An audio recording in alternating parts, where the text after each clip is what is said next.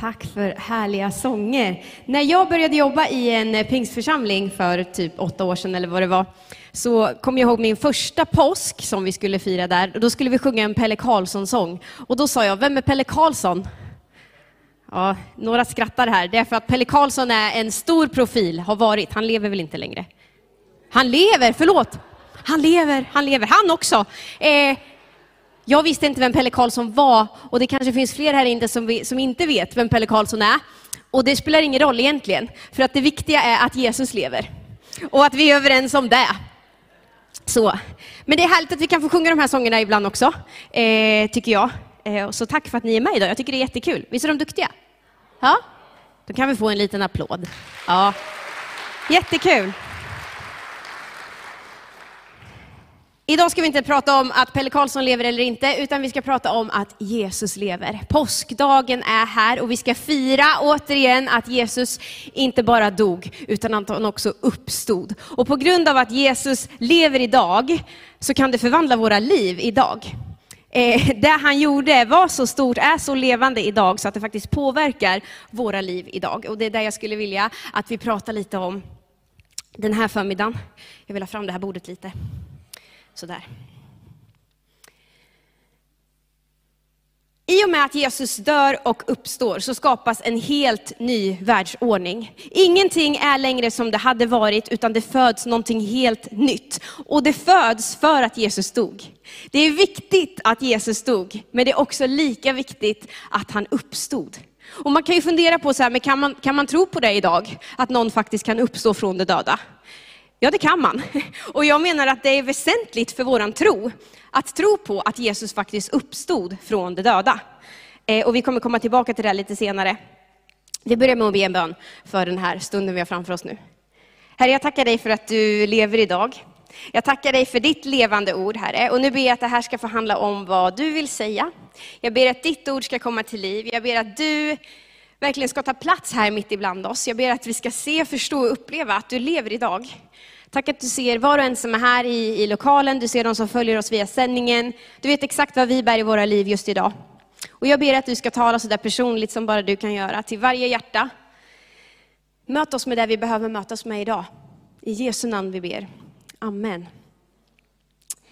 Jag tänkte att vi ska gå tillsammans till Matteus 28, det sista kapitlet i Matteus evangelium och läsa om vad som faktiskt sker där på påskdagen. Där de första människorna får, får börja förstå att Jesus har inte bara dött, utan det har skett någonting ytterligare. Eh, så vi går till Matteus 28 och så läser jag ifrån vers 1.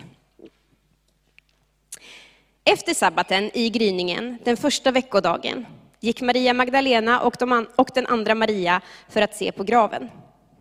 Då blev det en kraftig jordbävning, för en Herrens ängel kom ner från himlen. Han gick fram och rullade bort stenen och satte sig på den. Hans gestalt var som blixten och hans kläder var vita som snö. Vakterna skakade av skräck för honom och blev som döda. Men ängeln sa till kvinnorna, var inte rädda. Jag vet att ni söker Jesus, den korsfäste. Han är inte här. Han har uppstått, som han har sagt. Kom och se platsen där han låg. Och gå genast och säg till hans lärjungar att han har uppstått från de döda. Se, han går före er till Galileen, där ska ni få se honom. Nu har jag sagt er det. De skyndade då genast iväg från graven med bävan och stor glädje, sprang de för att berätta det för hans lärjungar. Plötsligt mötte Jesus dem och hälsade dem. De kom fram och föll om hans fötter och tillbad honom. Då sa Jesus till dem, var inte rädda. Gå och säg till mina bröder att de ska gå till Galileen, och där ska de få se mig. Påskdagen kommer, och det som Jesus har förberett dem på ska hända, sker. Men ändå är de chockade. Jesus hade ju sagt till dem, jag kommer dö, men det kommer inte vara slut där, jag kommer också uppstå. Och det sker ju här med dunder och brak. En ängel stiger ner från himlen för att berätta det här för, för dem. Och det står att vakterna blir som döda. Jag tror inte riktigt vi kan förstå den här upplevelsen, där vid graven. När någonting händer som inte ska kunna hända. En man ska inte kunna komma till liv. Eh, jag vet inte om det är någon här som har varit med om att en ängel stiger ner från himlen med dunder och brak Det vore häftigt att få vara med om det. Men det är nog ganska övermäktigt också. Men det som sker är det som Jesus hela tiden har sagt ska ske. De här kvinnorna väljer att tro på det ängeln säger. Jag tycker det är fascinerande. Ängeln säger till dem, gå till hans lärjungar och berätta att Jesus lever. Och det står att med stor glädje och bävan springer de därifrån för att berätta för lärjungarna. Och då händer någonting på vägen. Helt plötsligt står Jesus där framför dem. Det verkar ju inte som att de egentligen hade behövt se Jesus, för de trodde på vad ängeln sa. Ängeln sa till dem, han lever och de springer iväg för att berätta det, men ändå får de möta Jesus. Ändå så möter Jesus dem där på vägen och säger, var inte rädda. Och jag tror att det ligger någonting så otroligt viktigt i det här, att Jesus faktiskt möter de kvinnorna där, fast de redan verkar tro på att han lever. Och jag tror att det jag vill säga till oss idag är att Jesus vill alltid möta oss personligen. Han vill inte bara att vi ska ha hört av någon annan att han lever, utan han vill också visa sig för oss var och en. Så att vi ska kunna säga, jag har mött honom. Jag har mött den levande Jesus. Han var död, men han lever igen. Och kanske är det också så för att de vågar agera i tro, som de faktiskt får möta Jesus. Kanske är det så att vi ibland också i våra liv skulle behöva agera utifrån vad vi faktiskt tror på, för att få se någonting större än vad vi har sett tidigare. Kvinnorna får möta Jesus, och är det inte också så häftigt att han möter dem med orden, var inte rädda. Kanske är det så att du sitter här idag som behöver höra just de orden ifrån Jesus själv. Var inte rädd. De stod mitt i en situation som de inte hade kunnat förutse, som, som där och då på ett sätt var helt hopplös, men sen som på något sätt verkar vändas i någonting som, som är bättre än vad de hade kunnat ana. Men i det här kaoset så säger Jesus, var inte rädd. Var inte rädda.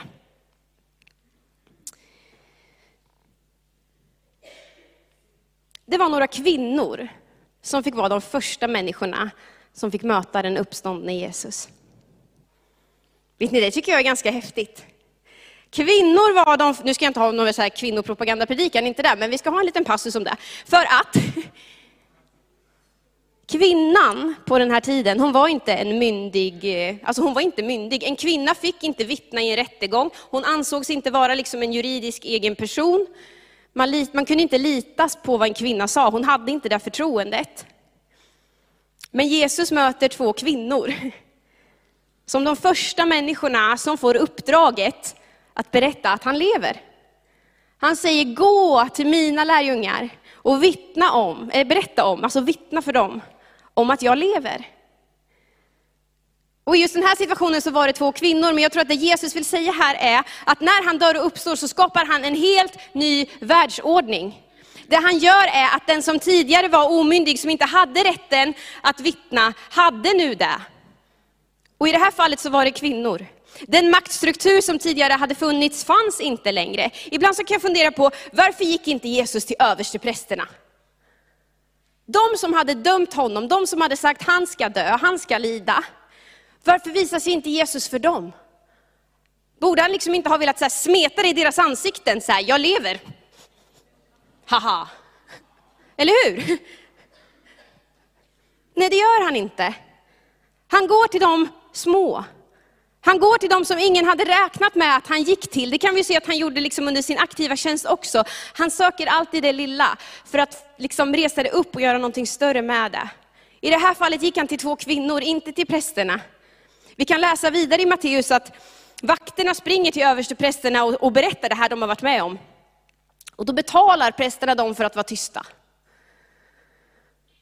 För de, de verkar inte kunna förstå att det kan ju inte vara så här, utan vi, vi sprider istället ryktet om att hans lärjungar har tagit kroppen.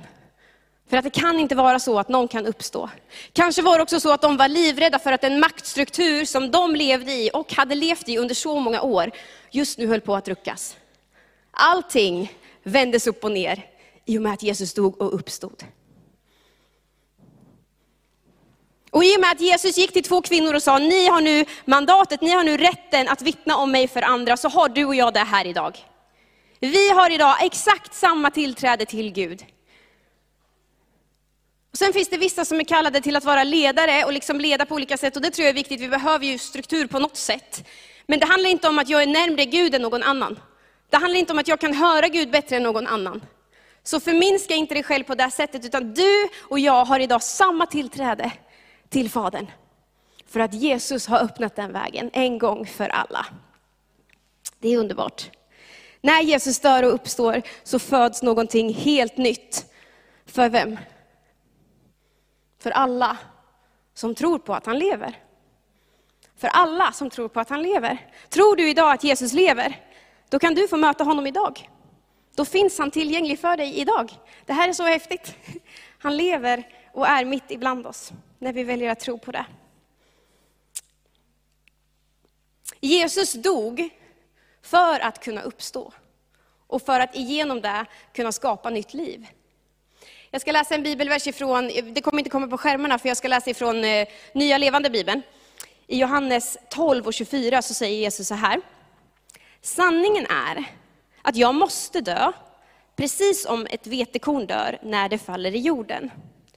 Om vetekornet inte dör förblir det ett ensamt korn. Men om det dör ger det en stor skörd. Och på samma sätt ska min död ge liv till många. Jesus lät sig själv dö. Han blev begravd, precis som ett vetekorn blir begravt i jorden, för att kunna växa och skapa liv till flera. Om man inte lägger kornet i jorden och begraver det så kommer det aldrig växa. Jag tror inte det i alla fall. Men när man begraver det så kan det växa och ge liv till flera. Jesus dog för att kunna ge liv till flera.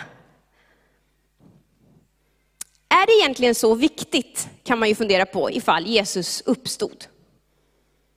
Och som jag sa i början så tror jag att det är oerhört viktigt.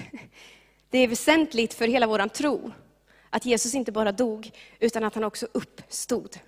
För det händer någonting mäktigt och stort när Jesus uppstår. För att när Jesus uppstår så bevisar han att han har besegrat döden. Vi säger det ibland, Jesus har vunnit seger, Jesus har besegrat all ondska. Men hur skulle han ha kunnat gjort det om han inte hade övervunnit döden? Hade Jesus inte dött så hade han heller inte kunnat uppstå. Men nu dog han så att Fadern skulle kunna uppväcka Jesus från de döda och igenom det visa att inte ens döden kunde hålla mig kvar. För att han har all makt. Jesus lever och det är viktigt att han både har dött och uppstått. Om vi går till första Korintierbrevet så verkar det här ha blivit en stor fråga i församlingen. Man debatterar, finns det någon uppståndelse från de döda? Kan det verkligen vara så att man kan uppstå från de döda? Det här är, alltså, när vi läser om församlingen i Korint så befinner vi oss ungefär 20 år efter att Jesus har dött och uppstått. Och så funderar man på det här och håller på och pratar om det. Och då skriver Paulus det här brevet och så ger han svar på tal och försöker liksom berätta för dem att det är viktigt att Jesus har uppstått. För skulle han inte ha gjort det så är inte vår tro där vi påstår att den är. Vi ska läsa några verser tillsammans tänkte jag. I första Korintierbrevet 15. Och vi läser ifrån vers 17. Första Korintierbrevet 15, vers 17. Då skriver Paulus så här, men om Kristus inte har uppstått, då är er tro meningslös. Och ni är fortfarande kvar i era synder. Och i så fall är de som insomnat i Kristus förlorade. Om det bara är för detta liv som vi har vårt hopp till Kristus, då är vi de önkligaste av människor. Men om nu Kristus verkligen uppstått från de döda som förstlingen av de insomnade, eftersom döden kom genom en människa, kom också de dödas uppståndelse genom en människa. Liksom alla dör i Adam, så ska också alla göras levande i Kristus. Paulus skriver här att om Kristus inte skulle uppstått, då är vår tro meningslös. För det här är väsentligt för hela vår tro. Att Jesus dog, men att han också uppstod. När Jesus gav sitt liv för dig och mig på korset, där och då försonade han all världens synd. Det gjorde han för att han själv blev offret, det felfria lammet som behövdes för att försona världens synd. Men Gud var inte nöjd med att på något sätt bara försona världens synd, det är inte så litet bara det. Men Gud ville också skapa liv för dig och mig. Liv, inte bara här och nu, utan liv ända in i evigheten. Och för att det skulle vara möjligt så måste döden besegras. För vi vet att döden, eh, döden finns. Döden, alltså, där vi vet att alla en dag kommer dö. Och syndens lön är döden, talar Bibeln om. Så för att vi skulle kunna leva ett liv tillsammans med Gud i en evighet, så behövde döden besegras. Och det gjorde Jesus genom att uppstå. Är ni med mig? Det är viktigt att Jesus lever. Det var viktigt då och det är viktigt idag. För att det påverkar våra liv här idag. Paulus skriver så här, att, eh, i vers 19 då, om det bara var för detta livet vi har vårt hopp i Kristus, då är vi de öm ömkligaste av människor. Ibland tycker Paulus tar i så när han skriver, jag tycker det är ganska härligt ibland. Han säger så här att, ja, Jesus, liksom, uppståndelsen påverkar ert liv här idag, men inte bara här och nu. Om ni bara trodde att livet med Jesus handlar om här och nu, då är ni ömkliga människor. Det sträcker sig längre än det. Det sträcker sig längre än vad du och jag kan fatta. Förstår ni att vi ska få leva en evighet med Jesus? Och det är så stort så att man bara, va? Oj, oj, oj. Och ibland kan jag tänka på, hur ska vi kunna ha kul i en evighet? Ja, vem vet. Eh, men det ska vi tydligen ha. Och allt ska vara underbart hela tiden och nu kan vi ju inte fatta, hur ska det... Ingenting kan ju vara underbart hela tiden. Har ni träffat en människa som alltid är glad? Och ibland så känner man ju så här, men du, sluta vara så glad, man kan inte alltid vara glad. Eh, men i himlen kan man det. För att det finns ingen sorg, det finns ingen ondska, det finns ingen plåga. Och vi kan inte riktigt fatta hur det ska vara, men vi ska få komma till det en dag. Och det ska vi för att Jesus lever. För att han har besegrat döden och därför finns det evigt liv. Liksom alla dör i Adam, säger Paulus, så ska också alla göras levande genom Jesus Kristus. Alla var på väg mot en evig död. Men nu finns det evigt liv och försoning för alla som tror. För att Jesus har öppnat den vägen. För dig och mig och för alla som vill ta emot honom. Det är viktigt att Jesus dog. Men det är också viktigt att han uppstod och att han lever idag. För genom det livet så kan du och jag få leva ett nytt liv. Kvinnorna valde att tro på det här. Och de valde att agera utifrån det. Och de som trodde på att Jesus levde blev fler och fler. Och den kyrka som du och jag är en del av idag är en effekt av att de faktiskt trodde på att Jesus levde.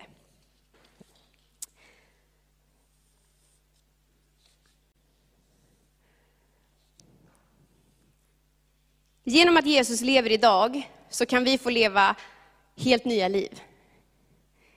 Ja, det handlar inte bara om här och nu, det handlar om en evighet, men det handlar också om här och nu. Jag tror att livet med Jesus tar oss ifrån att bara på något sätt hålla sig vid liv till att verkligen leva. En gång när jag predikade så, ja okej, okay, så här. Jag tror, för jag upplevde själv att när jag fick ta emot Jesus i mitt liv när jag var 20 år, när jag blev frälst, då gick mitt liv från att ha levt i svartvitt till att leva i färg. Det var så jag upplevde det. Och det här sa jag en gång när jag predikade och då var det en del som blev fruktansvärt provocerade.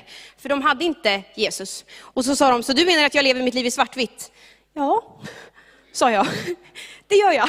För det var vad jag upplevde. Jag tror att det är där vi får uppleva, när vi går från att inte ha Jesus i våra liv till att ha den uppståndne Jesus i våra liv. Vi går från att bara ha levt till att verkligen leva. Till att komma tillbaka till det vi är skapade för, att leva i en relation med levande Guden själv. Vi börjar leva i färg. Och då är allting möjligt. På grund av att Jesus väcktes till liv för 2000 år sedan så finns det liv för dig och mig här idag. Och det påverkar hela våra liv. Halleluja! Yes! Tack Jesus. Vi ska gå tillbaka till Matteus 28 tänkte jag, för att vi kan se vad, vad som blir vägen vidare för den första församlingen när de får möta den uppståndne Jesus.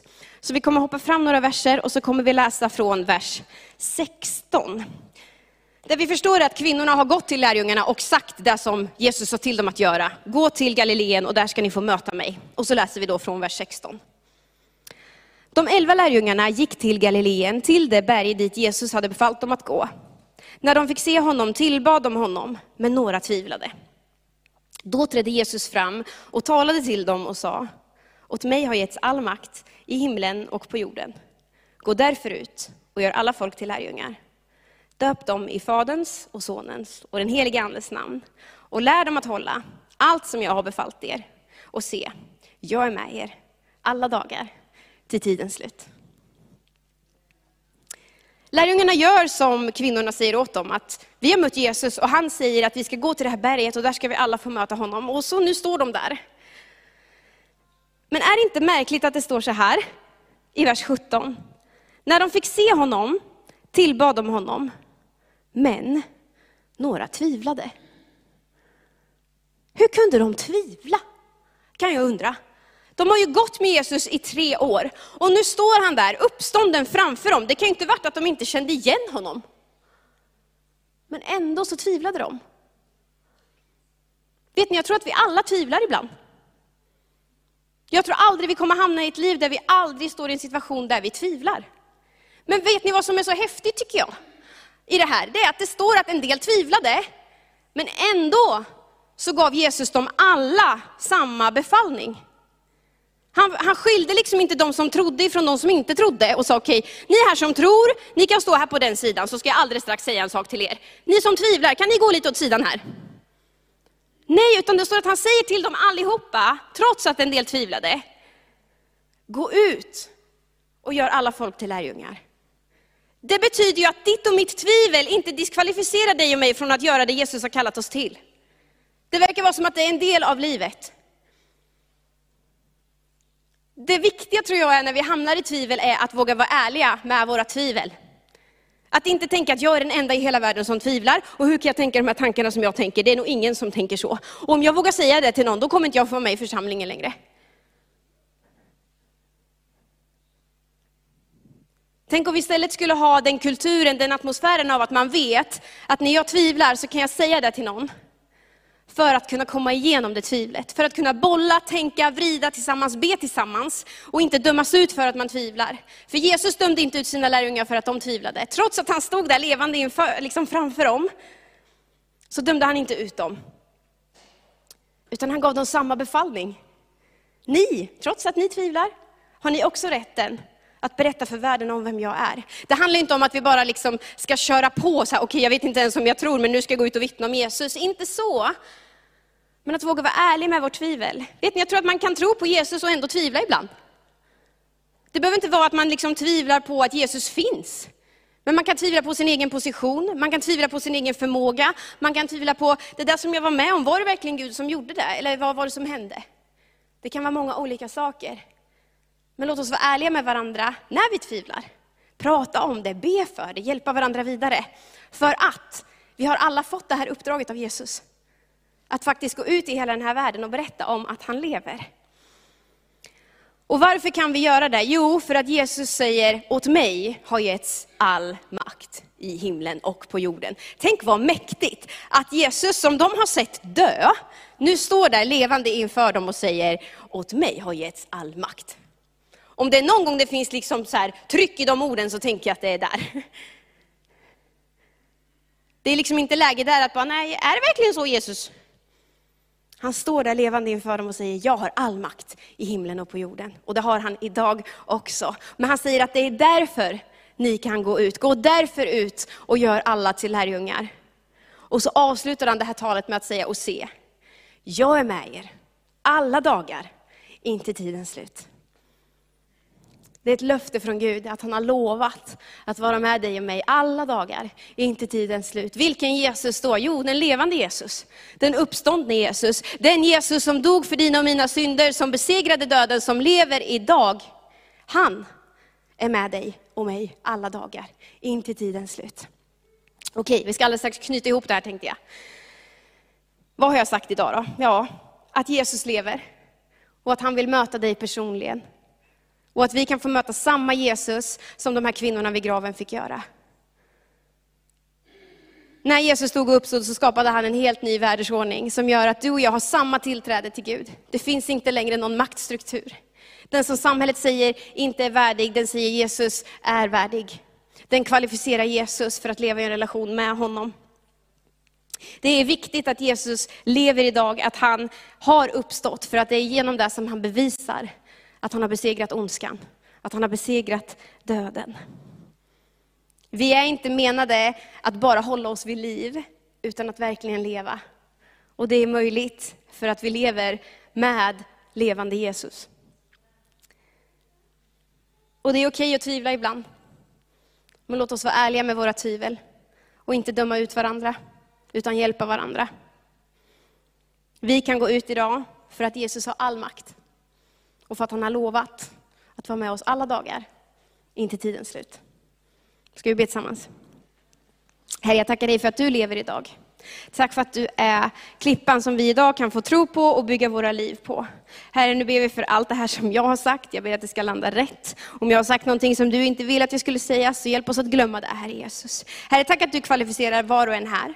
Tack att vi får tro på dig, tack att vi får leva tillsammans med dig, tack att du kallar oss att gå i takt med dig, Herre. Tack att du har vunnit seger. Tack att du har lovat att vara med oss alla dagar till tidens slut. Nu ger vi resten av den här, av den här gudstjänsten till dig och bara vill fortsätta tacka dig och säga kom och gör din grej i våra liv idag. I Jesu namn. Amen.